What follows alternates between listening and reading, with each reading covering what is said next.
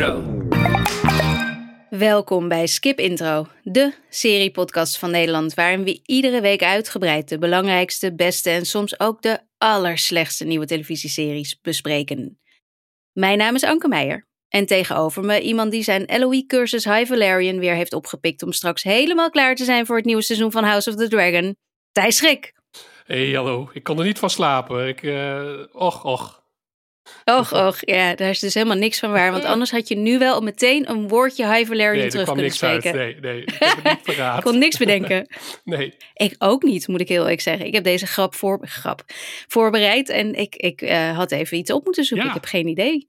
High Valerian. Jeetje, daar Nee. gaan we. Ja, daar gaan we al. Nou ja, we gaan het straks even hebben eh, over de nieuwe trailer van het tweede seizoen van House of the Dragon. Ehm, House of the Dragon komt in de zomer weer terug. En eh, eh, dit was de eerste trailer die gedropt is. En daar, daar hebben wij wel best wel een mening over waarschijnlijk. Dus dat gaan we zo even bespreken. Eh, we gaan het deze aflevering ook hebben over de derde aflevering van Fargo. De, derde, de nieuwste aflevering van het vijfde seizoen. Ehm, we gaan het hebben over een nieuwe Netflix-hit. Die wij alle twee niet hadden zien aankomen. Eh, De Deense serie A Nearly Normal Family. Die staat hartstikke op één. Eh, en we hebben alle twee eventjes wat gekeken. En eh, ja, nou ja, hebben daar ook wel wat over te zeggen, denk ik. Of niet? Ja, zeker weten. En over Zweden heb ik altijd wat te zeggen. Het is een Zweedse serie. Nou ja, onverwacht dit. Daar komen we straks nog op terug. Komen we straks op terug, ja. En eh, ehm, we gaan ook uitgebreid even stilstaan bij het laatste seizoen van Reservation Dogs. Eh, daar heb ik heel veel zin in. Ik heb hem helemaal gekeken en ik, eh, ik, ben, er, ik ben er behoorlijk vol van, kan ik je zeggen. Dus dat, dat straks. En we gaan ook nog even wat nieuws uiteraard bespreken. Maar voordat we dat gaan doen, heb ik nog even wat huishoudelijke mededeling. Er staat namelijk een nieuwe teletijdmachine klaar op onze Patreon-pagina. Eh, daar kun je lid van worden en dan krijg je dus deze gratis nou ja, die zijn dan niet gratis trouwens. Maar dan krijg je deze extra afleveringen eh, van ons, waarin we een eh, duik in de televisiegeschiedenis nemen. En de nieuwste aflevering eh, was, of gaat over Freaks and Geeks. De beste serie met maar één seizoen aller tijden, min of meer. Toch Thijs? Ja, inderdaad. Freaks and Geeks. Een van mijn absolute favorieten. Dus daar vertel ik alles over. Ja, en dat eh, kun je dus nu op Patreon horen. Dan moet je lid worden en dan steun je ons ook meteen bij het maken van deze podcast. Eh, en wat ik ook nog eventjes eh, als nieuwtje alvast erin wil gooien, is dat we volgende week een speciale mailback aflevering opnemen. Thijs, dat had ik jou nog niet verteld, geloof ik. Nee. Maar dan weet je dat. Eh, ik, ik heb het eh, in eh, mijn eigen draaiboek en niet in ons draaiboek gezet. Maar we gaan volgende week een mailback aflevering opnemen. Want er is niet zo heel veel nieuws meer. Zo voor het einde van het jaar. We zijn ook alweer bijna toe aan de beste series van het jaar aflevering. Die komt er ook aan. Maar daarvoor nog even een mailback. En dat betekent dat jullie al jullie vragen aan ons kunnen stellen over series. Eh, ja, en eigenlijk alleen maar over series. Of Ja. het streaminglandschap of dat soort dingen. Ja, het mag wel een Ehm, beetje ook over de industrie gaan natuurlijk. Ja, precies. Ja, ja. Maar eh, heel persoonlijk zullen we, zullen we niet worden. Wel persoonlijk over series, maar verder niet. Ehm, en die vragen kun je mailen naar uh, podcastskipintro.gmail.com. Doe dat vooral, hartstikke leuk altijd. We zullen ook nog wel wat oproepjes op alle social kanalen zetten. Waarin je ze kunt eh, droppen, al die vragen. Dat was eh, de huishoudelijke mededeling eh, van vandaag. Ehm, zullen we dan naar het nieuws gaan, Thijs? Ja, let's go. En dan niet naar formatienieuws, maar serie. Nee, alsjeblieft niet. Alsjeblieft niet. Nou ja, dit is ook wel een beetje formatienieuws Ja, ja, eigenlijk, het eigenlijk eerste. eigenlijk wel. Eh, in eh, eh, Amerika gaat namelijk het gerucht dat Paramount Plus en Apple TV Plus, twee streamers, samengevoegd zullen worden. Daar wordt over ge- gesproken en daar wordt dus ook al blijkbaar wat over gelekt. Het is allemaal nog niet zeker. Maar ehm, ja, dat, dat zou een best logische stap zijn, omdat het alle twee redelijk kleine streamers zijn. Niet alleen qua abonnee-aantallen, maar ook qua het aanbod wat ze hebben. Eh, Apple heeft natuurlijk alleen maar originals. En dat, dat, die bibliotheek is, is, ik vind hem al redelijk aan- aanzienlijk ondertussen. Met best wel wat mooie dingen vooral ook. En eh, geweldige titels zoals Slow Horses, waar ik vorige week nog erg enthousiast over heb, heb gesproken in Ja, deze podcast. Ehm, en ja, Paramount Plus is natuurlijk de plek van eh, alle Taylor Sheridan-series, onder andere. Ik denk dat dat een beetje het grootste is wat daar op staat. Dat is, dat is wat wij op Sky Showtime zien, min of meer. Het is allemaal niet heel duidelijk, want Sky Showtime heeft ook weer andere dingen die niet op Paramount staan in Amerika. Nee. Maar als deze, deze samenvoeging zou zijn, dan zouden wij dus wellicht ooit ook Apple TV Plus en Sky Showtime samen krijgen. Heb je al, wat, wat voor naam zou dat worden, denk je? Apple Showtime? Apple Time? Apple Time. Ja, wie mag vooraan? Dat is net als met Sky uh, TV Plus. PvdA GroenLinks of GroenLinks PvdA. Ja, precies. Toch nog ja, politiek. ja. Maar uh, Ah, ja, ik ben wel, ik denk wel dat dit, uh, nou ja, je hebt dan nog steeds, zelfs als je deze samenvoegt, een soort van niche uh, dienst, denk ik, maar toch wel eentje die uh, iets meer kan concurreren met, zeg maar, de absolute A-categorie onder de streamers. ja, en dat is toch wel echt Netflix. Bovenaan, helemaal. Ja. De, de streamer die iedereen heeft. Eh, en dan zijn er een aantal ja, nummer twee's. En dat zijn dan de Disney's en de HBO Max'en van deze wereld. Eh, over trouwens ehm, Netflix en Max gesproken. In Amerika wordt er ook gesproken over het aanbieden van deze twee diensten in één pakket. En dat, zou dan, dat is dan via een, een, ja, een kabelaanbieder, een internetaanbieder, kun je, zou je dat dan kunnen doen. En dat zijn wel de versies met uh, reclame Hm, erbij. ja. Dus, uh, maar dat, daar wordt ook al over gesproken. En je hebt ook in Amerika waar ze Disney Plus en Hulu en ESPN. Dat wordt binnenkort allemaal één ding. Dat hebben wij hier al een beetje, niet ESPN, maar wel Disney en Hulu. Want dat komt bij ons via het Star-knopje allemaal binnen Mhm. op Disney Plus. Um, het is een beetje, dat, dat, dat wordt het hè? Het, Gaat allemaal samengevoegd worden. En het begint langzaam, uh, wat ook al, waar ook al voor gewaarschuwd was, dat het langzaam weer een beetje op ouderwets uh, kabeltelevisie begint uh, te Ja. lijken.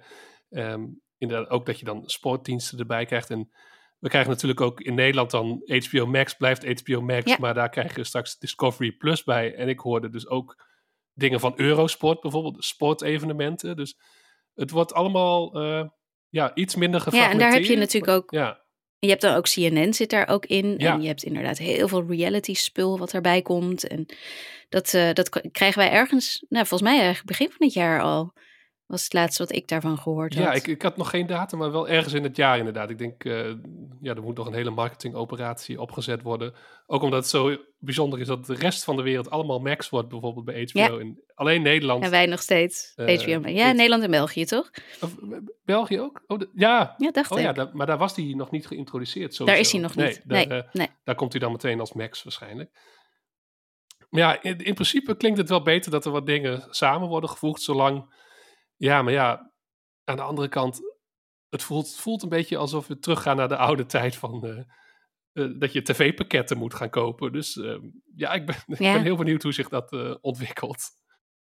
Ja, ik, ik denk gewoon wat je zegt. Ik denk dat het allemaal weer heel veel gaat lijken op wat we al Ja. hebben. En dan ook met de optie om daar reclames gewoon bij Ja. te krijgen en dan wat minder te betalen. Ik denk dat het, ik denk stiekem dat we aan het eind van de rit als consument duurder uit zullen zijn. Precies. Als we alles willen kunnen kijken. En dat, het, eh, dat we hevig terug verlangen naar eh, de, de, de begindagen van de streamingdiensten. Ja, Maar ja, we hebben er niet zo heel veel eh, over te zeggen. Behalve dat, ja, dat we dus wat we nu doen, dat we opzeggen zodra we een serie hebben gezien. Ik heb, ik heb onlangs nog eh, eh, een van onze luisteraars, volgens mij was het op Facebook, ehm, aangeraden om heel eventjes een abonnement op Apple TV Plus te nemen om Slow Horses te kijken, omdat het nou eenmaal zo fantastisch leuk is. Eh, en ja, zeg het dan daarna gewoon weer op, want waarom niet? Alhoewel er genoeg andere dingen op staan natuurlijk als je er nog niet eh, al die bibliotheek hebt doorgespit. Maar ja, dat willen ze voorkomen Ja. en dan maar samenvoegen. Want als je, als je vervolgens op Paramount nog een nieuwe serie hebt die je ook zou willen kijken, of Sky Showtime bij ons, dan is de kans dat je blijft hangen wat groter. Maar ja, Ja. het wordt wel... eh, het, het, het lijkt allemaal goedkoper, maar het wordt uiteindelijk toch weer duurder. Uiteindelijk betaal je de prijs op wat voor het manier dan ook. En het kan dan ook zijn Ja. inderdaad meer eh, reclame in je oogballen. Want dat was ook de grote eh, belofte. Dat we niet meer naar reclames hoefden Ja. te kijken. Omdat we gewoon betaalden voor de dienst. Maar eh, ja, je, je hoort ook dat Netflix... Hier is het dan nog niet geïntroduceerd. Maar dat ze best veel... Ja, ook die groei die komt echt van, die, van dat segment, zeg maar. Maar dan ook is de truc dat ze de gewone prijs omhoog gooien. En dat dan eigenlijk het pakket met reclame zo duur is Ja. als het vroeger was. Dus het, het, Ja. is- het wordt er allemaal niet, eh, niet per se beter op. Heb jij daar iets over gehoord, over wanneer wij Netflix met reclames krijgen? Nee, heb ik nog niks over gehoord. Terwijl, ja, hier Videoland doet het bijvoorbeeld. En eh, volgens mij nog wat andere diensten. Dus nee, ze lijken voorzichtig te zijn eh, met, eh, ja, omdat Nederland misschien dan ook weer een kleine advertentiemarkt is, zal het ook wel weer heel gecompliceerd zijn. Nu willen ze eerst die gigantische Amerikaanse markt en de Engelse markt, geloof ik, dan daar een beetje Ja. eh, ja, wat dingen geleerd hebben en een beetje een soort eh, positie hebben. Dus eh, Hmm. nee, nog niet. Maar ja, we zijn wel op zich nog steeds gewoon wel een markt. Want we krijgen nu ook weer toch weer een nieuwe streamer erbij. Ja, ik kreeg een gigantisch pakket opgestuurd van een bekende naam, Canal Plus. Wat eigenlijk een beetje zo'n filmzender eh, bekend stond als Wat, wat filmzender. zat, zaten er macarons in? Ik zag iets op eh, Instagram Ja, voorbij komen ja, van iemand. En ik was een beetje boos dat ik niks had gekregen eigenlijk. Ik eh, had ze op kantoor uitgedeeld. Ehm, Mm. heel, heel zoet. Die werd, ja, een beetje geruisloos. Maar want ik, kreeg, ik, ik hoorde er iets van en ik kreeg een persbericht en dan die doos. En ja, een, een dienst die met, veel met films kan doen en heel veel Europese producties. Eh, ook Canal Plus Originals. Maar ik moet zeggen, er, er viel nog niet een titel op waarvan ik zag, dacht, eh, die moeten we meteen eh, bespreken. Ehm, maar ja, het geeft wel weer aan dat er toch nog partijen zijn die het proberen. Dit is dan een soort van traditionele partij waar ook nog een soort waar ook nog een tv-zender aan zat, Kanaal Digitaal, die er nu ook weer Kanaal Plus heet. Ehm, Ja, want is het iets wat je gewoon los kunt? Is het zoals Netflix of Ja. moet je het weer via Ziggo? Want ik kreeg een persbericht van Ziggo inderdaad. ja, je kunt het, eh, als ik het goed had begrepen, en dit, dat wij al een beetje in de war zijn, geeft al aan dat het voor de Ja. consument denk ik al helemaal weer eh, ingewikkeld wordt. Maar je kunt hem ook als losse dienst eh, nemen. Maar er is ook een ja, soort van koppeling met Ziggo, wat natuurlijk ook vaak gebeurt, dat je je Netflix via Ziggo binnenhaalt of zoiets. Of dat je in ieder geval een soort icoontje hebt. Ehm, maar het viel eigenlijk een beetje samen met eh, nieuws over eh, een andere streamingdienst, Fireplay, waar wij het niet per se veel over hebben, omdat het vooral erg gericht is op sport en dan voornamelijk Formule 1. Ze hebben voor heel veel geld eh, Formule 1 rechten eh, binnengehaald, Scandinavische streamer. Alleen daar gaat het afgelopen jaar al heel slecht mee. In, ik las allemaal verhalen over. Ook Ondanks dat Max Verstappen alles wint. ja, ja, maar die rechten zijn zo gigantisch duur. En wat ik dan ook las, ze hadden dus de kwartaalcijfers een paar keer uitgesteld. Omdat ze zo in de pinari zaten. En dat ze eigenlijk alleen nog in Zweden en in Nederland eh, overblijven. Daar gaan ze door. En ze hebben dan die Formule 1 rechten. Maar het schijnt dus als zo'n Formule 1 seizoen voorbij is. Dat, nou ja, als de, de coureurs over de finish zijn, dat dan al een gigantische piek aan opzegging iedereen is. opzegt. Dat iedereen meteen opzegt. En dat ze dus niet met eh, de series en andere sporten die ze hebben, Nee. dat ze het weten te behouden. Dus eh, dat wordt heel interessant of dat, ja, ik las er nog een stuk over, dat men zich afvragen of dat, eh, eh, nou, het haalt deze kerst nog wel, maar volgende kerst of Fireplay er nog is, is maar zeer de vraag. En dat geeft ook Oh. wel aan van, ja, dat, die streaming-industrie, daar wordt ook gigantisch met geld gesmeten om sport dan eh, in de markt te zetten, maar lijkt hem, eh, lijkt hem niet te worden. Hmm. Ik eh, heb nog nooit naar Fireplay gekeken. Het spijt me. Ik, ik heb geen idee Nee. wat het is. En ik ben ook geen Formule 1 eh, mens. Verrassend genoeg. Hadden jullie wel gedacht natuurlijk. Maar, maar toch, ja, het is, het is allemaal niet... het, is, het is niet makkelijk. Nee, Het is niet makkelijk. Het is niet makkelijk. Nee. Je moet toch Nee, wel met is- iets bijzonders komen. En dan is het sport alleen blijkbaar niet genoeg. Dus je hoort wel dat Netflix ook heel voorzichtig denkt over sportdingen. Dat het als een soort toevoeging... net Ja, want sport ja, is wel een hele grote Het is doelgroep. natuurlijk een gigantische doelgroep. Alleen de rechten Ik zijn bedoel, ik heb hier een zevenjarige thuis die alleen maar naar ESPN zit te kijken, Ja. kan ik je vertellen, om alle voetbalwedstrijden, echt alle voetbalwedstrijden die er maar zijn te kijken.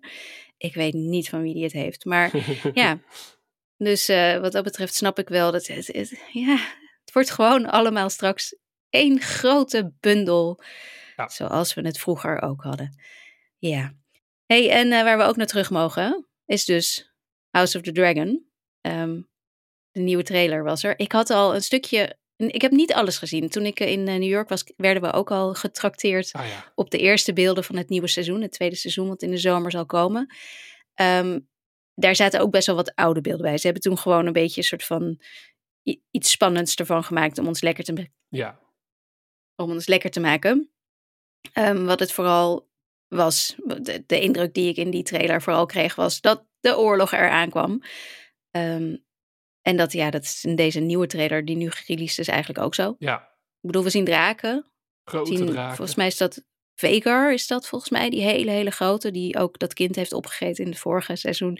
Jongens, ik ben echt, ik moet wel weer even, als we straks eh, hier aan toe komen, moet ik alles weer even terug gaan halen. Want ik, Ja. eh, ik, ik heb het gewoon nou ja, ik heb het niet opgeslagen. En jij, had, jij zei net tegen mij voordat we gingen opnemen dat je de trailer had gekeken, maar dat je hem alweer vergeten was. Ik, ik had hem dit weekend al gekeken en ik was hem ook snel weer vergeten. En uh, ik, ik, zei in een eerdere aflevering al dat uh, House of the Dragon, dat het bij mij gewoon niet echt binnenkwam. Terwijl ik wel dus echt heel erg heb genoten van Game of Thrones. Zelfs van het laatste seizoen waarvan alles op aan te merken is en waar veel misging en noem maar op. Op zijn minst Oh voelde ik daar wel heel veel bij. En uh, bij House Ja, of the ook, Dragon had ik vooral van dat ik dacht vaak niet echt iets voelde. Dus eh, niet. Maar dat ja. is toch echt, dat is het inderdaad. Dat is wat er mis was aan die serie. Er was ook heel veel mis namelijk aan Game of Thrones, zeker in die laatste seizoenen. Maar het, het maakte zoveel los. Ja. Al was het maar boosheid, maar wel betrokkenheid. Ja. En ik voel me inderdaad niet betrokken, ondanks dat we het gerecapt hebben hier. Ehm, nu was ik ook niet degene die alle recaps deed. Dat was vooral Alex toen de tijd. En, Hm. en ja, ik heb wel alles gekeken en ik... Ja, nee, ja. Ik heb er ook podcasts over geluisterd naast deze. Maar toch op een of andere manier. Ik vond de podcast leuker dan, Ja, dan de afleveringen. Dus het, het hele popculturele gesprek vind ik dan nog wel interessant. En van ja, wat er allemaal omheen gebeurt. Maar ehm, ja, ik weet nog de aflevering eh, waar je bijna niks kon zien. Ik, ik weet niet Oh, hoe ver dat in het seizoen was. Dat ik echt eh, ja, dacht van, eh, wa- wat is hier aan de Ja, hand? die was wel, die was wel, was wel een leuke meme en zo. ja, was maar, een leuke ja, manier, maar dat je denkt van ja. oh, zo'n gigantische productie en dat er dan toch nog iets volledig eh, eh, misgaat. Alleen nu had ik vooral van eh, wie waren het nog maar allemaal? En er zitten al Mm. losse elementen in die best goed gaan. En ze hebben echt een goede cast die er mee doet wat ze ermee kunnen doen, zeg maar. ja, Ja. Maar ja, het, het zal even. Ja, ik zal nog wat tijd nodig hebben om mezelf op te hypen. Om, want ik ga natuurlijk wel eh, kijken. En ik moet dan even, denk ik, wel kijken wat ik van seizoen... Ik weet niet meer zeker of ik seizoen 1 heb afgekeken. Dat zegt ook wel genoeg. Volgens mij heb ik, eh, ben ik ergens afgehaakt en heb ik dan wel gelezen wat er gebeurd is. Of een podcast Oh ja. geluisterd. Zoiets. ja. Moet ik gewoon Nou toegeven. ja, het was ja. natuurlijk wel... Het was een ontzettend succesvolle titel hoor. zeker, voor eh. HBO, HBO Max. Ehm, het is zoveel meer bekeken dan onze favoriet Succession. Ja. En ik denk ook dat The Last of Us niet zoveel is bekeken. Dat was, dat was wel een grote serie, maar nog steeds niet zo groot. Eh, wat wel opvallend is, is dat deze trailer, die dus al sinds het weekend online staat, niet zo heel veel bekeken is. Ehm, net toen wij keken, stond hij op 5,4 miljoen views. Wat echt eh, ehm, opvallend weinig is. ja. Eh, want even ter vergelijking, eh, de trailer van Loki, het tweede seizoen, die ergens eh, eh, dit jaar in de zomer geloof ik uitkwam, die was binnen een dag al 80 miljoen keer bekeken. Ja, dus het fenomeen lijkt wel een beetje uitgedoofd. Dat is ook misschien niet zo gek als er gewoon wat tijd tussen zit en het niet meer zo bijzonder voelt misschien. Ehm, dus ik ben heel benieuwd hoeveel het nog gaat doen. Dat, het kan ook zijn dat er heel veel mensen toch het eerste seizoen massaal hebben gekeken en nu toch niet meer echt eh, de hype voelen en niet meer helemaal weten of ze nog wel door moeten gaan. Dat, eh, kijk, je kunt niet, het zegt niet alles natuurlijk hoeveel er naar een trailer wordt gekeken, maar het zegt wel ook wel weer iets. Want ook op social media merkte ik dat, eh, ja, het stond niet echt in vuur en vlam bijvoorbeeld. En Nee. net toen wij, voordat we begonnen met opnemen, kwam er bijvoorbeeld een trailer van de nieuwe game Grand Theft Auto 6. En, ja, dat zag ik eh, overal voorbij komen. Daar ging het ja. helemaal los. Ook bij mensen die normaal niet over, want het is een game, niet over games eh, praten. ja, ik zag volwassen mannen die zeiden: Sorry, maar eh, dit wordt een week van mijn leven. Ja, Het spijt me, kinderen. Vrouw, ik ben even druk. ja. Ja, En die zat, nee, dat, ja. is, dat is toch een ander gevoel inderdaad. Dat had ik ook helemaal niet. Het was ook een gek moment waarop het gere- gere- released werd. Ergens zaterdagavond, zondagnacht bij ons, zoiets. Ik, ik, ik, nou ja, ik weet het niet. Ik vind het ook vreemd. Maar ik heb toch ook wel een beetje het idee dat het komt omdat we eigenlijk gewoon al weten hoe het afloopt. dat blijft wel het prequel-probleem. en eh, soms wordt dat heel goed opgelost. eh, met in Better Call Saul bijvoorbeeld. Maar, Oh, Better Call Saul. Ja. Ik dacht al, wat ga je nou te filmen? Maar ja. maar over het algemeen is het toch eh, eh, vaker een handicap dan eh, dat het echt, Ja. eh, echt lekker werkt. Ja, zeker wanneer je zo heel trouw eigenlijk volgt, de verhalen volgt die in de boeken zijn. En dat je er Ja. verder niks nieuws mee lijkt te doen. Nee.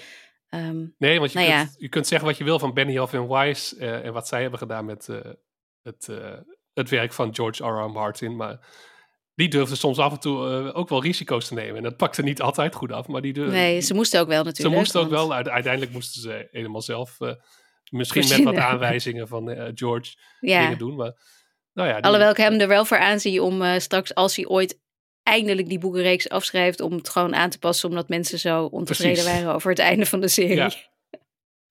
maar ja, maar ja die is, eh, George R. R. Martin is natuurlijk wel veel meer betrokken bij House of the Dragon. Dus het is Ja. allemaal redelijk trouw aan, aan zijn wereld en zijn verhaal. En daardoor toch niet zo verrassend. Dus ja, nou ja, wel verrassend, Thijs. Want ik ben wel klaar met House of the Dragon Ik voor ook, nu. voorlopig. Ja. Eh, is eh, ehm, nou, die plotselinge nieuwe nummer 1 op Netflix, die eh, ik persoonlijk niet had zien aankomen en jij ook niet. En dat zegt, nee. dat zegt wel wat, want op zich zijn we alle twee redelijk ingevoerd. Ehm, nu hou ik Netflix ook niet heel scherp in de gaten, omdat er, ja, omdat er gewoon zoveel uitkomt en ook best wel heel veel dingen gewoon een beetje B zijn. Ja. Niet heel bijzonder, gewoon prima en eh, we zien wel. En dan af en toe dan staat er dus opeens iets op nummer 1 waarvan ik dacht, hè? Hoe? Ja. Hoe kan het? En in dit geval is dat dus de nieuwe Zweedse serie, eh een Nearly Normal Family. Stella betyder allt för mig. Du tror väl på henne? Men det är klart jag tror på henne.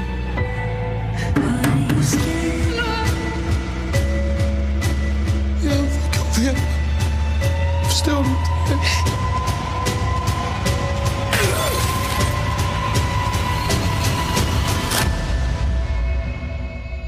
Eh, ja, Nearly Normal Family staat dus vanaf 24 november op Netflix. En hij staat, ja, binnen, wat is het, binnen een week denk ik dat hij op één stond. Ja. Had jij daar iets van meegekregen, Thijs? Nee, want ja, wat je zegt. eh, En als er een serie is waar Netflix zelf iets van verwacht, dan horen wij meestal ook wel er iets, iets over. En dit lijkt er weer eentje die, eh, waar ze, die ze zelf ook niet per se zagen aankomen, dat dit opeens heel erg zou aanslaan. En het staat dus zelfs boven Squid Game The Challenge, de Ja. reality versie van Squid Game, waar eh, Love It or Hate It volgens mij in elk geval heel veel belangstelling voor is. Maar nee, deze, Er is ook geen reuring over. Want ik heb dus even, ik dacht, nou ja, oké, ik heb het gewoon compleet gemist. Ik heb hier even de, de, de spreekwoordelijke bal laten vallen, zoals ze dat in het Amerikaans zo mooi zeggen. Ehm, maar ik heb gegoogeld. Ik zag vijf recensies op Rotten Tomatoes. Wat Ja. dus betekent dat er niet echt onwijs, eh, eh, zeker niet in, in de Engelstalige, want dat zijn natuurlijk wel Engelstalige recensies. Eh, ik hoorde pas van de serie toen ik dit weekend in de Volkskrant een recensie zag. Die was aardig lovend, moet ik zeggen. Hm. Onze, eh, onze eigen eh, Alex, die had er voor de VPRO-gids iets over geschreven. En die was redelijk enthousiast. Zei wel dat het ook wat langdradig was in het midden. Waardoor ik dus dacht van, nou oké, het zal wel. En toen keek ik op Netflix en toen zag ik dat hij daar gewoon ja, bovenaan die top 10 stond. dan wordt die in die app misschien toch heel erg gepusht. Of dat, want er moet wel een, ergens iemand een knopje hebben ingedrukt, zodat mensen de, ja, op play hebben gedrukt. Dus ja, Ja, toch? ja, Ja, ik, ik vind dat algoritme toch altijd wel heel grappig. Ik heb zelfs even gekeken op, op de accounts van ehm, andere Netflix-gebruikers in mijn huishouden. Dus Mhm. ik heb bij Hans gekeken. Nou ja, die heeft ook wel een heel ander algoritme. Maar daar stond hij niet. Dus het is niet zo dat iedereen hem gepusht krijgt. nee, Ehm, hij stond bij mij ook overigens nergens. Het is alleen maar dat hij op, in die top 10 opeens stond. En dat Ja. ik hem dus bewust ben gaan zoeken. Ik heb op het gastaccount wat we hebben voor de oppas, heb ik gekeken. Daar stond hij ook niet. Eh, bij de kinderen heb ik maar niet gekeken, want daar zal die zeker niet staan. Maar ik, ik, ik weet, ik snap gewoon niet zo goed hoe dit, ik snap niet hoe dit werkt. nee. Ik vind het zo bijzonder. Nee, ik heb. eh, Nee, er worden wel vaker. eh, Want het is wel een eigen productie van Netflix. Maar dat doen ze ook wel vaker natuurlijk. Eh, en ik moet zeggen, want wij hebben dan wel even. Ik heb. Ik denk dat jij ook de eerste hebt gekeken, of heb je nog meer? Ja, ik heb aflevering 1 gekeken. Ja, Ik, ja, eh, ja. vond het ook zeker niet slecht, maar ik zag ook niet per se iets waar, waarvan ik dacht van nou, hierdoor wordt het een sensatie. Nee, grappig is dat. Ik vond het, eh, ik vond het inderdaad niet, zeker niet slecht. Ik vond het een serie die eh, heel goed bijvoorbeeld op NPO had eh, kunnen uitkomen. Ehm, en ik vind het ook wel passen bij Netflix hoor. Want Netflix heeft best wel, best wel aardige Europese producties gehad de Zeker, laatste tijd. ja. Je had laatst nog die, die ehm, Duitse serie over die, die, die vreselijke ontvoering die ik echt hartstikke spannend vond. En ehm, waarvan ik even helemaal... He, Liebeskind, dank je. Ja, Ja, ik ja. was even helemaal de naam kwijt. Die vond ik ook best wel, best wel heel... En die vond ik dus wel verslavend. Daar bleef ik maar naar kijken. Maar voor zover ik weet heeft hij niet op nummer 1 gestaan. Misschien kwam dat ook omdat er andere dingen in die tijd uitkwamen. Eh, dus ik vind het gewoon... Ik vind het zo opvallend dat deze dan het inderdaad doet. Misschien omdat, ja, omdat mensen toch wel denken... Oh ja, misschien moet ik op Netflix deze spannende serie kijken. Het is toch weer een beetje crime, het is thriller, het gaat ja, over een moord. Alle, alle juiste vakjes die aangevinkt worden of Ja. zo, denk ik dan. En net qua timing dat de, ja inderdaad, Squid Game en eh, qua seriegebied, qua wat serieuze drama, net even wat rustiger is dan op Netflix. Ja, The Crown komt volgende week pas weer. eh, Ja. Is dat volgende week al? Volgens mij wel. Zoiets, ja. Ja, ik zit er erg op te wachten, zoals we weten. Maar eh, ja, nee, op zich, ik vond het dus wel inderdaad wel redelijk interessant. Het verhaal, eh, voor mensen die het nog niet hebben gekeken, maar dat zijn er waarschijnlijk eh, nog maar weinig. Het is eh, naar een boek, een bestseller ehm, van ja, M.T. Edwardson. Ehm, en het gaat, het is in zes af- afleveringen wordt het verhaal verteld. En het gaat over een dus ogenschijnlijk normaal gezin. Vader, moeder en dochter. En die eh, dochter, Stella, die wordt tijdens een, eh, ja, wat is het, een tripje met haar handbalteam, denk ik. ja. Wordt ze, ehm, nou ja, verkracht. Laat ik het, laat- ik kan het niet anders eh, zeggen. Het is een, een, een redelijk vreselijk moment. Ehm, ook in de manier, ik denk een hele realistische manier waarop Ja, het eh, ja. wordt neergezet. Dus eh, zonder eh, ehm, keihard geweld, maar gewoon, ja, op die hele nare, vreselijke manier waarop het gebeurt. Ehm, ik kom hier niet zo goed uit, sorry. Het is, ik, vond dat, ik vond dat best, eh, best heel Ja, ook omdat de, de scène qua... eh, als je niet helemaal ziet aankomen, dan de, de- het schakelt snel van naar een vrij lu- luchtig iets naar... Ja, van eh, een beetje flirten naar, zoals dat, zoals dat gaat. Ja, precies. Eh, iemand die je kent, iemand waarvan je het niet verwacht. eh, Ja. ja. En daardoor dus heel sterk. Eh, en wat er vervolgens ook, wat ook heel sterk is, vind ik. En misschien dat, misschien eigenlijk, nu ik het er zo over heb, is dit ook de reden waarom mensen hebben doorgekeken. Omdat het eh, vervolgens ook laat zien hoe moeilijk het is om daar iets mee te doen. Omdat, eh, zoals de moeder van Stella meteen eh, bij thuiskomst zegt: van ja, dit is eigenlijk heel moeilijk te bewijzen. Het is heel moeilijk te bewijzen dat ze het niet wilde. Er zijn ja. geen duidelijke sporen van dat er een, een, een soort van ehm, gevecht was dat ze zich heeft, heeft eh, verzet tegen hem. Ehm, Ja. Dus het bewijs is, is magertjes en waarschijnlijk zal ze niet geloofd worden. Dus we moeten geen aangifte doen. Want dan zal dat hele, ja, die, dat hele traject meer schade nog berokkenen dan dat er nu al is. Eh, daar kunnen we eh, over discussiëren natuurlijk of dat een goede of niet beslissing was. De serie laat in ieder geval min of meer zien dat het niet slim was, omdat er eh, aan het einde van de eerste aflevering een moord is gepleegd. En dochter Stella, dat is wel vier jaar na dat incident, wordt opgepakt voor deze moord. Ja. En ja, wat, wat het een met het ander te maken heeft en wat het effect was van ja, die gebeurtenis en vooral de manier waarop dat ogenschijnlijk normale gezin erop reageert, gereageerd heeft, is natuurlijk waar deze serie verder over gaat, denk ik. Ja. En dat ze misschien, eh, ja, dat die, wat ik al een beetje hoorde, dat die ouders eh, ook misschien denken dat ze die jaren geleden een fout hebben gemaakt. En dat ze nu alles moeten doen om eh, Oh ja, ja, die dochter om haar te beschermen, En- alsnog te beschermen. Ja. Ja. ja. het zijn eigenlijk, nou ja, als ik het nu zo zeg, dan denk ik, het zijn wel allemaal goede ingrediënten inderdaad om een, om een spannende thriller neer te zetten. Ja, ik was misschien ook een beetje door Alex' omschrijving dat het wat langdradig was Ja. in het midden, dat ik dacht, oh, oké. Nou ja, ik had wel het gevoel van. Als dit nu een film was geweest, dan was ik helemaal hoekt. Want je voelt al wel een beetje aankomen Mm. dat het wat uitgerekt gaat worden. En dat, je de, eh, dat het lang gaat duren voordat het helemaal duidelijk hoe, eh, is hoe het zit. En ook in de eerste aflevering dat je dan. eh, je ziet ook hoe één avond dan vanuit verschillende perspectieven wordt bekeken. Wat ook nog wel Ja. best vaak gedaan wordt in series. Ja. Dat ik af en toe. Ja, dat vond ik. Het, Ja. waren, het waren wel wat. ehm, niet zozeer clichés als serie tropes, zoals je dat noemt. ja. Veel gebruikte eh, vertelmanieren. Ja. dat je, dat je eerst het verhaal van de dochter ziet, dan het verhaal van de moeder en dan het verhaal van de vader. Of andersom, geloof ik. Ehm, dat, ja, dat, dat, dat kennen we ook wel. Dus wat dat betreft was ik weer niet. Ik, was niet weggeblazen, maar wel geïntegreerd. Ja. En ehm, ja, ik kan me ook wel voorstellen dat, dat veel mensen dit zagen staan en dachten: oké, ik geef het een kans en zijn blijven Ja. kijken. Maar toch, toch blijf ik het echt opmerkelijk vinden dat zoiets uit het niets, zonder promotie, want Netflix doet niet aan promotie, Nee. gewoon hop op één staat.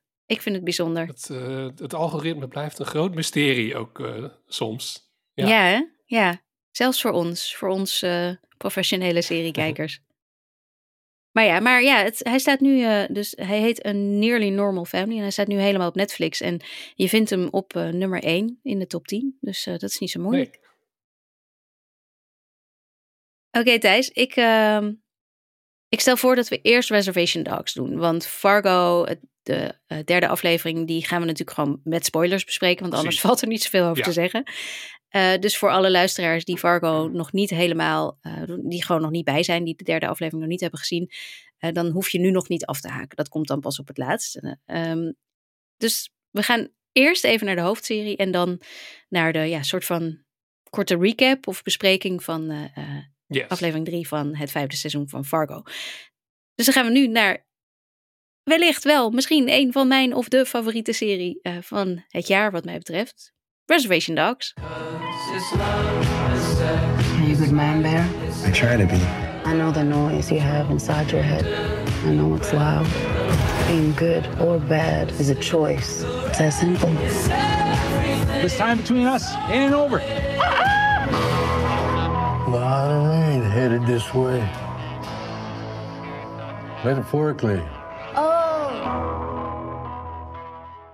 Ja, de Rest Dogs zijn terug. Ik vind het zo fijn. Ja, ik ben alweer klaar. Ik vind het zo erg eigenlijk. Jij bent er doorheen gereisd. Ik ben nog ongeveer halverwege, dus eh, ik heb nog wat te gaan. Maar jij, eh, Ja, ik, ik, ik, ik moest ook, want ik eh, moet er wat over schrijven. Dus ik moest ook snel kijken. Er waren geen screeners vooraf beschikbaar. Nee. Wat altijd een beetje vreemd is, want deze serie is al in de zomer van dit jaar op Hulu in Amerika te zien geweest.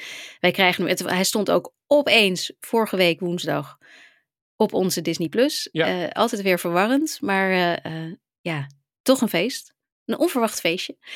Ik heb er echt met heel veel plezier naar gekeken. En dat terwijl ik dus eigenlijk niet zo goed wist of er nog wat te vertellen viel. Want Reservation Dogs heeft. ehm, nou ja, ze is nu, dit is het derde seizoen. De eerste twee seizoenen gingen ehm, heel erg over de vier tieners. Waar we in eh, seizoen 1 kennis mee maakten. En hun verdriet, de, de rouw die ze voelden. En waar ze mee moesten dealen om het verlies van een van hun andere vrienden. Van Daniel heet hij. Ja. Ehm, die was overleden. En eigenlijk in de laatste aflevering van het tweede seizoen. Ja, is een heel mooi moment waarop die vrienden. Waarop het soort van rondkomt. Waarop ze afscheid van hem nemen. Ja. Iets waar ze al die tijd naartoe werkt. Dus ja, ik, ik, ik wist eigenlijk niet of er nog wat te vertellen was in dit derde seizoen. Sterling Harjo, de, de maker en ja, hij is de showrunner, laat ik zo zeggen, en bedenker van deze serie. Hij heeft het samen met ehm, eh, Taiki Waititi natuurlijk heeft hij dit bedacht. Maar hij is wel echt de, de, de Ja. drijvende kracht achter deze serie, Sterling. Ja, Taika is denk ik echt gebra- gebruikt omdat hij een hele grote naam is in Hollywood. Ja. En dat vind ik ook tof van hem, dat hij ook dit soort kleinere dingen of dingen die ja, misschien niet zo makkelijk van de grond te krijgen zijn, dat hij die ook steunt. Dus eh, ik Ja. denk dat dat vooral zijn Hij is uitvoerend is producent, geweest. maar Ja. in zijn, ik denk dat het meer is. Ik heb ook een interview met Sterling Harjo ehm, geluisterd, waarin hij ook zei dat hij, dat hij dan wel, weet je wel, had besloten van, oh, dit wordt misschien wel het laatste seizoen. En dat hij toen ehm Taika had gebeld Ja, om het even te vertellen, zeg maar. Dus het is niet, en dat, dat hij toen zoiets had, oh ja, ja, klinkt goed. ja. Dus eh, zo betrokken eh, is hij, maar, is, maar hij heeft inderdaad dankzij zijn, zijn hij, ja, hij heeft zijn, zijn power, hij heeft zijn, wat hij bereikt heeft, heeft hij ingezet ehm, om zo'n verhaal over ja, een inheemse groepje eh, tieners in Oklahoma te vertellen. En dat, dat, dat is zeker heel tof. Ja, Ja. zeker. Echt heel tof. Maar ja, Sterling Harjo had dus wel het idee dat hij nog, eh, nog wat te vertellen had. En ehm, na het bekijken van alle afleveringen van dit derde seizoen ben ik het helemaal met hem eens. En zou ik oprecht willen dat dit niet het derde seizoen, eh, laatste seizoen was. Want ik, eh, ik ben er nog helemaal niet klaar mee eigenlijk. Hoeveel afleveringen heb jij gezien? Eh, ik heb de eerste vier gekeken eh, in één set, hoe zeg dat? Zitting. In één, in één sessie ongeveer. Oké. Ehm, ja, en ik moest er wel weer even inkomen. Ik moest even in de vibe van de serie weer komen. Maar zeker de eerste Mhm. aflevering is denk ik ook... Ik heb de rest natuurlijk dan niet het hele seizoen gezien. Voelde denk ik ook iets wat zoekend van dat ze nou ja, terugkomen van hun reis of nog onderweg zijn. Voordat ze weer terug zijn eigenlijk bij hun, eh, hun vaste eh, woonplaats. Ehm, maar ja, ik vond het toch wel weer, eh, zeker vanaf de tweede aflevering zat ik er weer helemaal in. En dacht ik van, oh, dit is ontzettend knap gedaan. En iets unieks. Gewoon een mix van gewoon drama met, ja, wat zeker bij de inheemse Amerikanen heel erg speelt, het spirituele. Hoe naadloos dat in elkaar overgaat en hoe goed dat gebruikt wordt. En ook hoe er weer nieuwe personages worden geïntroduceerd of worden, verder worden uitgediept. En hoe de hele gemeenschap. Het gaat, eh, ik denk, ja, het gaat nog meer om de gemeenschap om de Rest Dogs heen. Eh, Ja. En dat is heel, eh, heel goed gedaan weer. Ja, Ja, nee, dat is zeker de, de tiener. We hebben wel vaker al uitstapjes gehad. zeker. Ehm, ja. De, de politieman Big heeft nog een hele aflevering gehad. Dus we hebben wel vaker gehad dat deze serie ehm, het lef heeft eigenlijk om van de, van de vier hoofdpersonen af te stappen. En eh, een, een, het verhaal te vertellen van een van de bijrollen eigenlijk. En in dit seizoen doet het dat nog meer. Dit is inderdaad een, een verdieping van de wereld van Reservation Dogs. Wat, bij mij, wat mij betreft, van het universum. Het is niet een... een ja, er, er zit wel één nieuw personage in, maar voor de rest zijn het eigenlijk allemaal eh, mensen die we al kenden, die we, de, de aunties en uncles en de, ehm, de elders die we al voorbij hebben zien komen. En eh, dat wordt ook op een ja, typische Reservation Dogs manier gedaan. Dus inderdaad door spirituele uitstapjes te maken, maar eh, we gaan ook naar het verleden. We gaan in één aflevering die jij volgens mij nog niet hebt gezien naar 1975. En dan eh, zie je de elders, dus de, Hm, de, ja. de opa's en oma's eigenlijk als eh, tieners. Als, als the original Res Dogs misschien wel. Ehm, die, dat is eigenlijk een aflevering waarvan ehm, Sterling Harjo een heel seizoen had willen maken. Hij had een heel seizoen in de jaren zeventig willen plaatsen. Ja, daar had eh, eh, FX, want dit is een FX original, dus die komt bij Hulu, maar is van FX, eh, Amerika.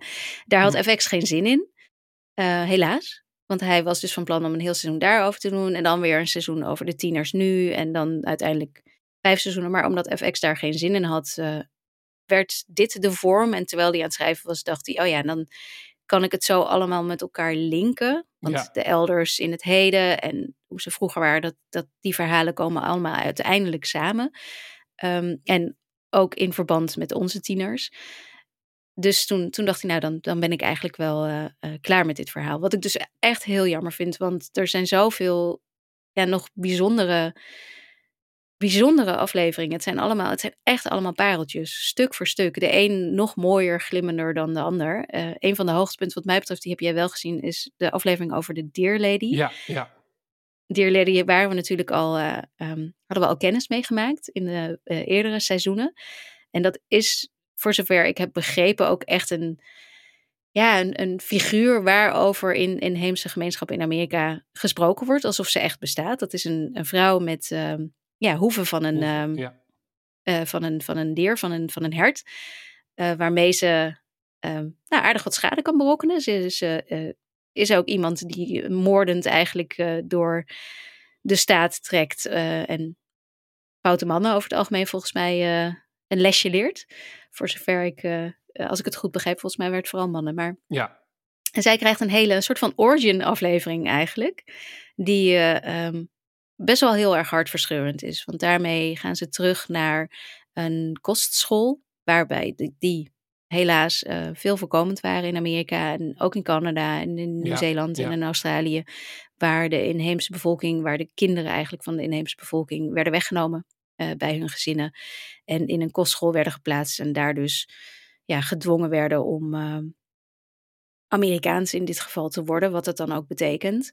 Eh, in ieder geval christelijk. En eh, ook de Engelse taal te leren. En wat ik ontzettend krachtig aan eh, de manier waarop ze dit vertellen vond. Ik zal niet alles verklappen natuurlijk. Maar is dat ze ehm, de Amerikaanse nonnen die Engels spreken. Die laten ze in een soort van gibberish praten. Een Ja. soort van compleet onverstaanbaar. Maar wel best wel dreigend klinkend taaltje.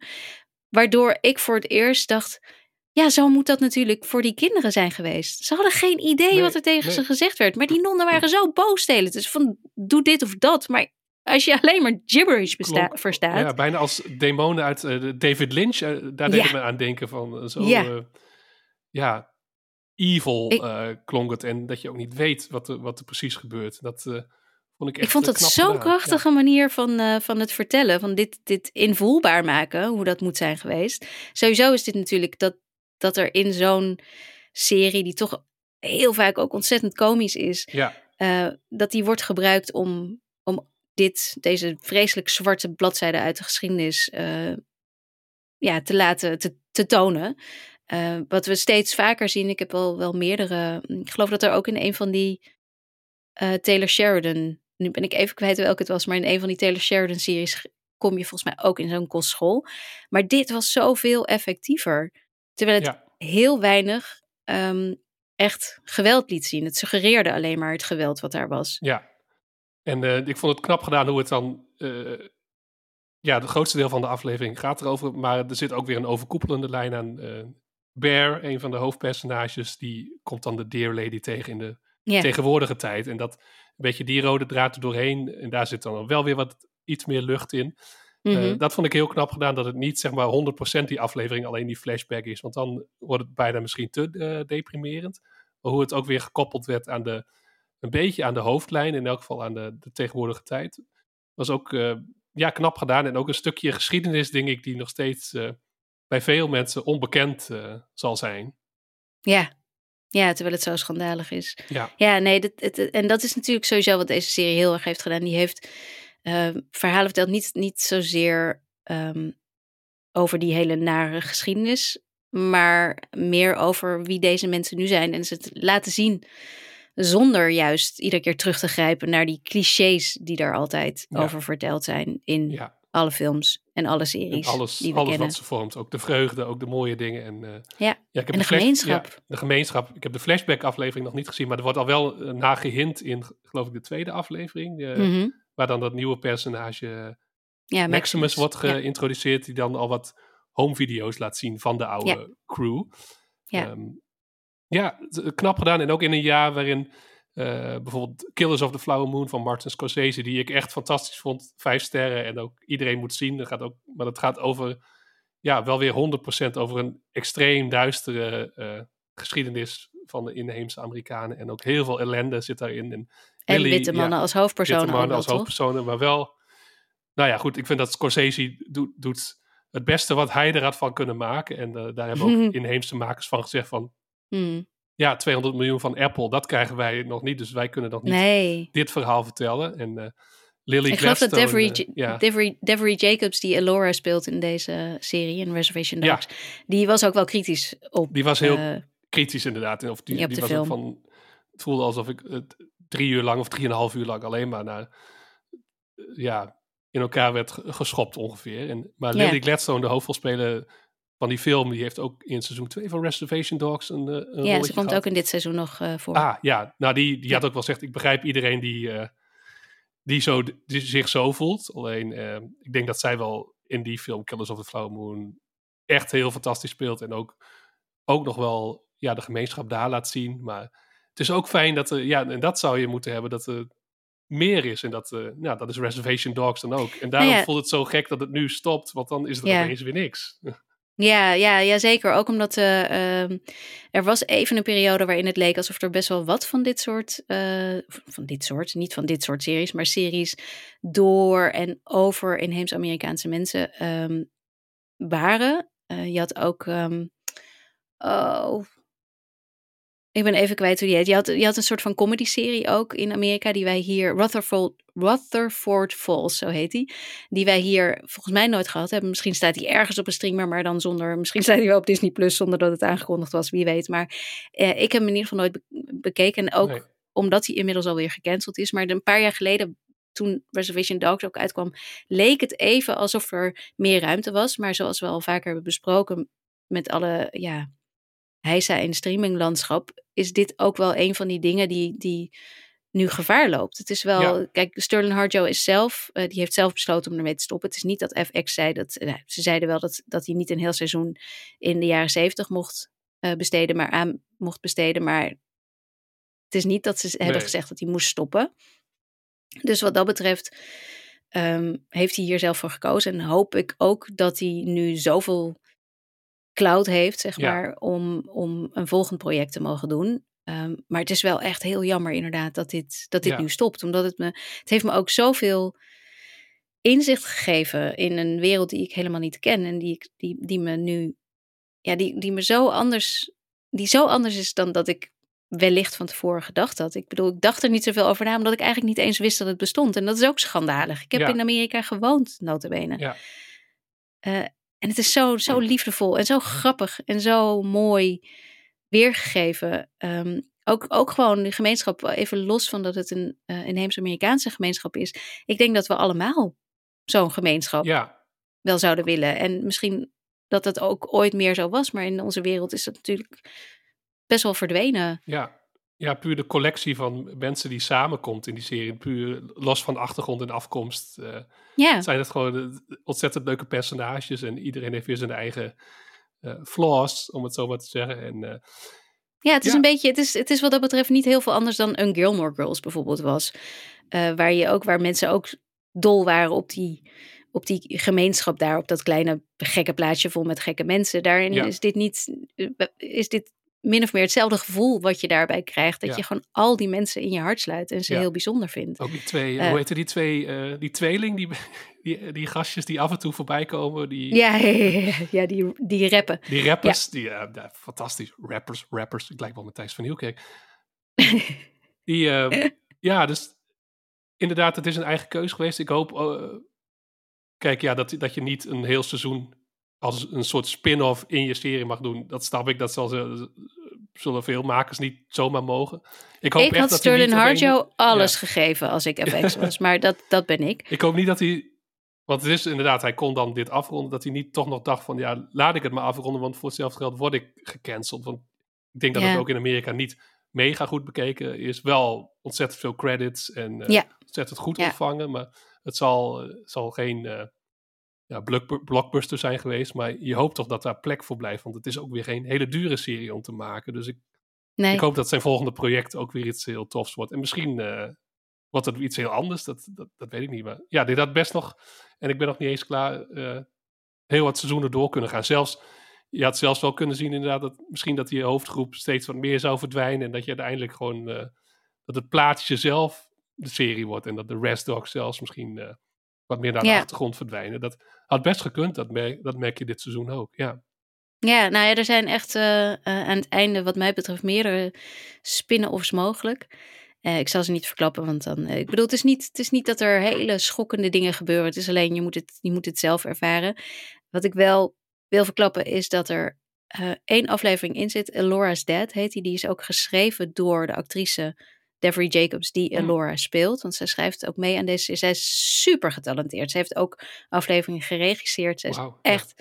En de, dat is een aflevering ehm, dus over haar personage eh, en haar vader. En ik zal daar verder niks over verklappen, want ik wil eh, dat de verrassing zo groot is als die voor mij was. Maar eh, dat is, het was echt een aflevering die ik ehm, ja, met tranen in mijn ogen eigenlijk de hele tijd heb zitten kijken. En, en ook tegelijkertijd met heel veel warmte. Mm. En die wat Ja. mij betreft net zoveel emoties bij mij opriep als dat ehm, Forks van The Bear deed. De Richie aflevering in Oeh, The Bear. Die ik een van de allerbeste afleveringen van het jaar vind. Eh, dus deze mag daar wat mij betreft ook naast. En ik zei het net al ergens. eh, ik, weet niet, eh, ik weet nog niet waar deze... Waar dit seizoen straks eindigt. Als wij over, wat is het, twee weken al volgens mij de beste series van 2023 gaat gaan hard. bespreken. Ja, Ja. of het dan recency bias is of echt gewoon... Dat is altijd lastig met die lijstjes, hè. Iets wat je Ja, een week geleden hebt gezien. Zit Het was Succession, toen The Bear en nu Ja, dan Reservation Dogs. Ik weet het gewoon niet, maar het is gewoon, het, het is echt een, eh, een absoluut feest dat, eh, dat alle drie deze series dit jaar eh, een seizoen hebben mogen uitbrengen. En het is ook echt wel heel erg jammer dat nu Reservation Dogs en Succession is natuurlijk ook al afgelopen. Want ik merkte ook wel weer, ook al moest ik heel even inkomen, hoe fijn het is om in zo'n wereld te zijn waar je waar je mensen kent, waar je de personages kent en om ze dan nog beter te leren kennen. En om het, dat, je, dat je dat taaltje weer, weer hoort. Mato, weet je wel, zeggen ze dan de hele tijd. En aho, en Ja, ik kan het ja. allemaal niet zo goed nadoen, maar het voelt zo lekker om dat te horen. En ik vond het zo fijn om het weer, ja, om het weer in mijn leven te hebben. Eh, ik vind dat toch wel, ik vind het echt, het, het, het is niet zoveel meer. Ik bedoel, de Bear komt gelukkig terug. Slow Ja. Horses is een lopende serie, maar wat hebben we nog meer? True Detective komt er weer aan. Maar, ehm, Ja, maar dat is niet, dat is weer, dat is anthology. Net als is weer, Fargo is eh, ook een ja, lopende serie, nieuw. maar is ook ieder seizoen anders. Nee, echt dat, Dat- je soort terugkomt naar... één keer per jaar terugkomt naar een groep vrienden of fijne Ja. familie. Dat, eh, dat is voorlopig Het wordt de bear. steeds minder. Ja, The Bear en, en Slow Horses voor mij dan. Maar eh, het- ik vind dat echt een ontzettend gemis. En dat merkte ik nu ook wel weer, hoe fijn ik het vond om weer bij, bij Bear en Willie Jack en Cheese. En ik vond echt Cheese vind ik ook eh, echt een Cheese heel is leuk, fijn, hè? eh, Ja. lief personage. Weet je dat die jongen gewoon niet eens acteerde voordat hij dit ja, eh, ging ja, doen? dat las ik, ja. Dat, eh, En dat, daardoor voelt het ook authentiek. En dat is niet. Het is altijd lastig om non-acteurs eh, hun eerste rol te geven, zeg maar. Maar als het werkt, dan, zoals hier, dan, eh, dan voelt het ook zo eh, authentiek en eh, oprecht. Dus eh, Ja. ja, dat, dat- ja we, gaan, we gaan het missen. Nou, ik mag, nog, ik mag gelukkig nog een half seizoen ongeveer. dus, Jij eh, mag nog. ja. Nou, geniet ervan. Geniet ervan. Ze staan allemaal op Disney Plus nu. Dus eh, als je nog niet hebt gekeken, echt mensen, dwingende, dwingende kijktip. Ik blijf het iedere week zeggen als ik iets heb gezien wat jullie moeten kijken. Maar ik, eh, ik hoop toch zomaar dat jullie dit allemaal al gezien hebben. Ehm, en dan gaan we nu nog eventjes, want we zitten alweer bijna bij het uur. Ja, ik zat naar we de weer- klok te kijken. Ik dacht, we gaan niet snel. Maar laten we het nog even aanstippen. De, Ja, we gaan nog even naar Fargo, want het is toch wel leuk om, eh, om ook deze derde aflevering te bespreken. Ik, eh, ik heb er weer van genoten. Wat jij, Thijs?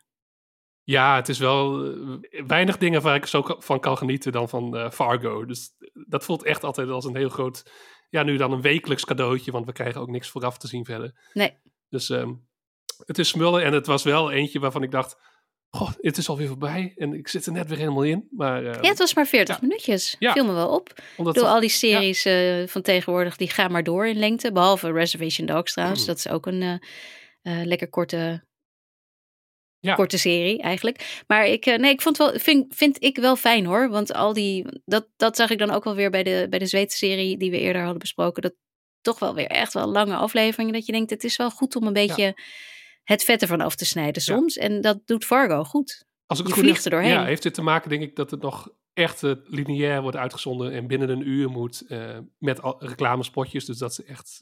Ja, maar dat is dus niet zo slecht eigenlijk. Nee, nee, dat is hartstikke goed in dit geval. Net zoals eh, dat wij aan ja. woordaantallen moeten doen. Ik bedoel, soms in Ja. mijn nieuwsbrief, als ik maar los kan, eh, kan gaan, dan dat is niet per se beter dan wanneer ik het voor de krant of voor de gids wat, wat korter moet houden. Maar sorry, ik, ik dwaal af. Fargo, Ja. aflevering 3.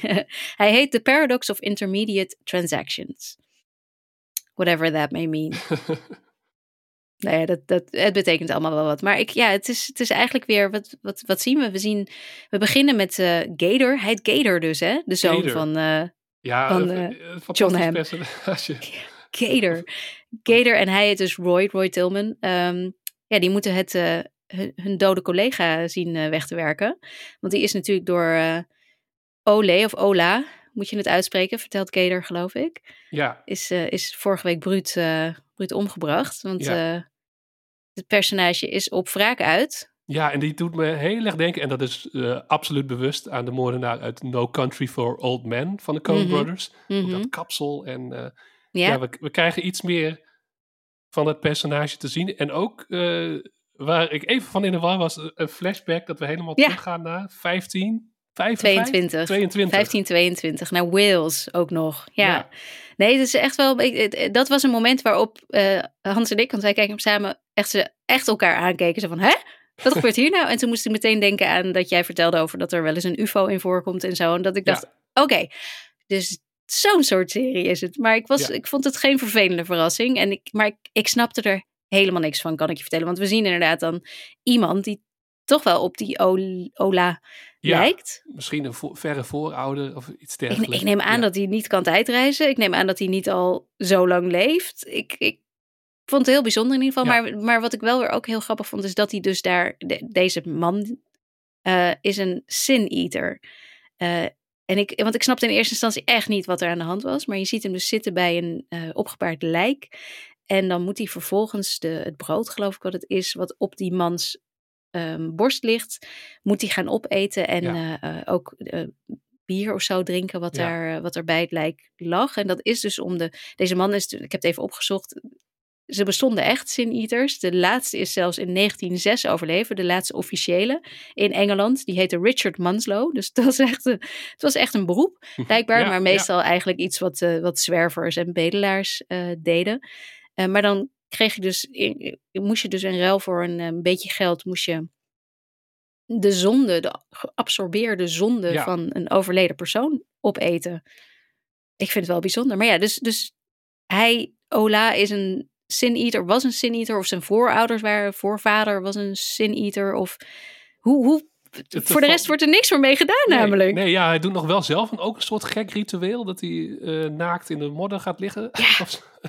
In een soort van grot ergens. in een soort van hij, grot. En, En hij, hij is, of hij is terug naar zijn moeder, of hij is gewoon bij een willekeurige vrouw ja.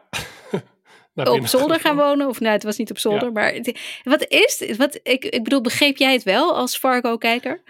Nee, ik zag nog niet eh, een connectie per se. Want ik, ben, ik hou erg van de Coen Brothers, maar ik heb ze ook niet allemaal paraat. Zoals Noah Hawley dat wel heeft. Want er schijnen ook Mhm. heel vaak referenties in te zetten die 90% van de kijkers ook helemaal missen. Maar die dan toch weer naar een film eh, verwijzen. Ja, Noah Hawley is de schrijver. De schrijver, ja, inderdaad. En, eh, ja.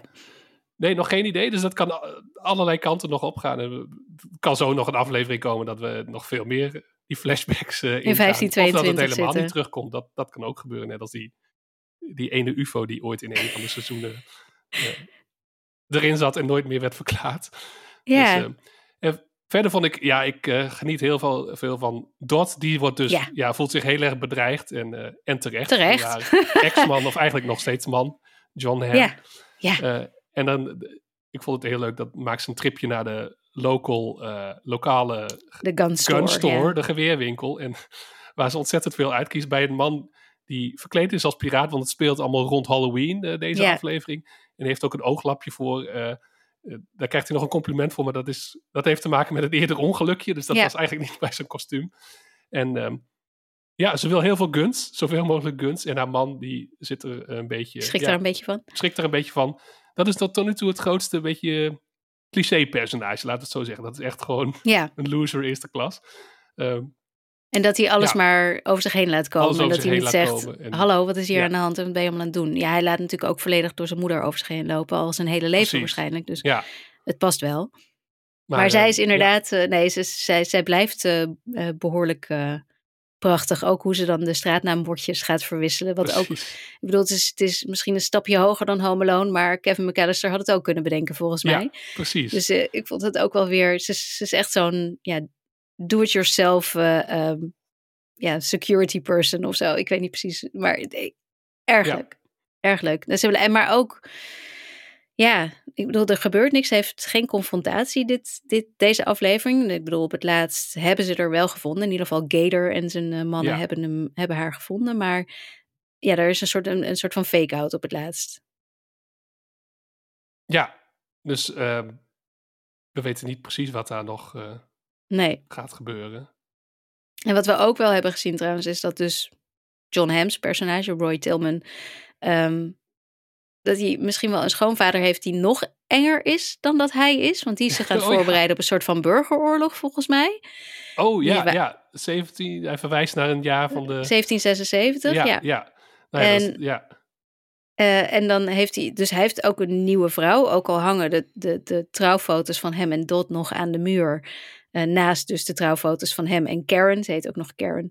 Ehm, zijn nieuwe vrouw. eh, met wie die rollenspellen heeft, vond ik ook wel mooi. Waarvan eentje dan angry feminist is. Ik vond het wel echt, dat je denkt, ja, het is ook, het is, het, ja, het is ook natuurlijk allemaal heel cliché, maar wel heel grappig. Heel grappig. Ja. Maar ja, die, eh, daar gaat het ook niet helemaal goed mee met die man.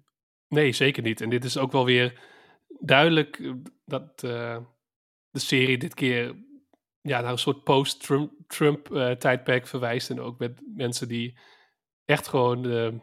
ja, de, de, de, dreiging van een burgeroorlog is niet eens zo, eh, zo'n heel gek idee. Dus ja, dat soort types en dat soort mensen die de bepaalde werkelijkheid eh, afzweren... Daar is Noah Hawley duidelijk mee bezig geweest. En Ja, ja het is 2019 hè? Dus Ja. Dus het is zeer recent, want Fargo is ieder seizoen, het kan, er is ook een seizoen in de jaren zeventig geweest, dus het is, het is altijd weer anders. Maar hij is nog nooit zo dicht op de, ja, de huidige tijd heeft hij gezeten. Dus ik ben heel benieuwd hoe hij dat, hoe die daar verder mee gaat. In combinatie met gewoon, het is weer super entertaining. En er komt natuurlijk nog wel een, een grote con- confrontatie. En ik ben benieuwd hoe dat eh, zich gaat eh, verdedigen uiteindelijk. ja, maar ik vind het wel, wat ik wel heel leuk vind, en dat had ik de vorige aflevering ja, tot het einde niet per se zien aankomen, is dat je dus niet alleen maar Dot en haar ex-man, de enge sheriff, hebt, die ja, een, soort van kat-en-muisspel misschien eh, gaan krijgen, maar dat je nu dus ook die, die, die Ola hebt, die ook een, een totale ja, onvoorspelbare factor in het hele verhaal gaat Ja. spelen. Want op wie gaat hij nou jagen? Gaat hij Nee, ja. de tijger, de vrouw dat, zeg maar. Dat vind ik ook nog steeds, want ze, liet een, ze hebben een uitge, ik weet niet of je het hebt gekeken, maar ze had een uitgebreide recap voor, die heel mooi in elkaar gemaakt was. De Previously On. Oh, ja, vond nee, ik- die heb ik, eh, heb ik niet zo goed bij opgelet. Maar Die hadden ze heel mooi in Oh, elkaar. oké. Normaal zat altijd een beetje een soort van de, de achter elkaar geknipte fragmentjes. Maar dit keer hadden ze dat helemaal onder die, die, die, die speech van die Ola gedaan. Waarin die dan Ah. zegt van je had me niet verteld dat het een tijger was. En eh, als ik Ah. dat had geweten, dan, dan eh, had ik een andere man meegenomen. Zeg maar, vond ik ook wel heel mooi. Dan had ik niet maar één mannetje, maar een andere Oh, man ja, meegenomen. Ik vond het, eh, vond het heel mooi. Maar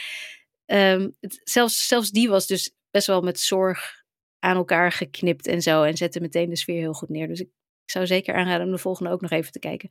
Maar ja, we weten dus, we, we weten nog minder eigenlijk nu. Het is allemaal, ja, we weten meer, maar ook geen Ook weer niet, idee nee. wat er allemaal gaat gebeuren nog. Ik bedoel, en waar we naartoe gaan, 1522 UFO's, wie weet. heerlijk onvoorspelbaar op de, op de lekkerste manier. En dat, eh, nou ja, wat de, wat de eerste twee seizoenen van Fargo heel goed doen, deden. En dit seizoen ook lijkt te doen. Dus dit is ook, we worden ook wel een lastig van. Telt dit nog? Want het seizoen loopt nog een tijdje door. Oh ja, voor de gaan we deze meenemen? Ja, dat kan niet. Dat halen we niet. Nee, Nee, oeh, hmm, dat wordt een lastige. ja, Nou, nou ja. Dat, We eh, dat nog, zijn eh, eh, luxe problemen natuurlijk. Maar Ja, ja. nou ja, nee, daar gaan we nog even over nadenken inderdaad. Komt hij uiteindelijk over twee weken, mag hij meedingen in de beste series van het jaar lijst of niet? Hmm. We gaan het erover hebben. Nou, dat is Ja. in ieder geval wel ook nog even leuk om aan te kondigen. dat, zoals we eerder hadden afgesproken, Alex Mazereel, onze vorige co-host, ehm, dat hij aanschuift. Die gaat ook meedoen. Dus we Ja. gaan met z'n drieën de beste series van 2023 bespreken. Erg leuk. Dat is over twee weken. En volgende week, zoals ik al zei, dus ehm, een mailback aflevering. Dus stuur je vragen voor ons naar podcastskipintro.gmail.com of eh, laat hem via een van de social kanalen achter. Ik denk dat we in die aflevering ook wel toch eh, wel weer even op Fargo moeten terugkomen, toch Thijs? Ik denk het wel. Het is wel leuk om elke week even... ja? Dit is wel zo'n serie die elke week iets unieks te bieden heeft. Dus dat lijkt me wel goed om daar nog even op terug te komen elke keer. Ja, nou ja, dan maar ook dus heel veel mailback afleveringen. Ehm, of heel veel mailback vragen moet ik zeggen. Dus stel je vraag. En dat kan dus ook via ehm, Twitter, via Facebook, via Blue, Sky, via Instagram. Het kan allemaal. Je vindt ons eh, eh, op Skip Intro NL over het algemeen. Eh, word ook lid, nogmaals, van onze Patreon pagina. Dan eh, kun je ons steunen financieel. Ehm, en dan krijg je ook dus die leuke Teletijdmachine afleveringen waarvan de laatste over freaks en geeks eh, sinds vorige week online staat. Verder kun je je abonneren op nieuwsbrieven. Die van Thijs, de popcultuurbrief, die komt volgende week weer een nieuwe van uit. Ja. En die van mij, I Like to Watch, daar komt deze week weer een nieuwe editie van uit. We wisselen elkaar nu goed af. We zijn Ja, niet meer op ja, ja, dezelfde dag. ja. Dus dat is, eh, Ja, maar ik vrees wel dat ik straks eh, weer ergens in de kerstvakantie vrij neem. En Oh, dan komen we misschien weer op, het, op hetzelfde moment uit. maar misschien neem ik ook een weekje, een keertje pauze. Dus dat, dat komt vast wel weer Komt goed. wel weer goed. Komt wel weer goed. Ja. en zoveel leeswerk is het ook weer niet. Dus, eh, Nee, je kunt dag. best wel twee hele leuke nieuwsbrieven op één dag aan. Dat kan wel. Je hoeft ze ook niet meteen te lezen, maar niet Precies. meteen weggooien. Dat is altijd, dat vind ik altijd pijnlijk. Maar eh, net als mensen die zich dan weer afmelden voor je nieuwsbrief als je een nieuwe brief hebt uitgestuurd. Dat is altijd Oei, heel vervelend. Ja, dat, dat, dat hoort erbij hoor. Dat, dat hebben de grootste Gebeurt, ja. nieuwsbrieven. Zijn er altijd een paar die dan weer afmelden. Dat je denkt, oké, dankjewel. Anyway, mensen, word lid van de nieuwsbrieven. Eh, de links staan in de show notes. En ehm, ja, wat, wat dan rest mij nog te zeggen. Mensen, laat iedereen weten dat je naar Skip Intro luistert. Deel hem op eh, social of eh, eh, geef goede recensies. Sterren, duimpjes omhoog, dat soort dingen. En daar, daar help je ons bij. En dat is altijd hartstikke fijn. En dan zijn we er doorheen, Thijs. dat is dan eh, de laatste reguliere voorlopig. eh, in elk geval Ja. voor een paar weken. Dat, eh, Ja, van dit Ja, jaar denk ik. van ja, jaar. van dit jaar. Want we Ja. hebben de mailback volgende week. De week daarna gaan we de beste series van 2023 bespreken. En dan denk ik dat we even een weekje kerst vieren als het mag. Ehm. Dus ja, dit, is de, dit was de laatste reguliere van 2023. Eh, ik vond hem leuk. Dankjewel Thijs. En ik zeg tot volgende week. tot volgende week.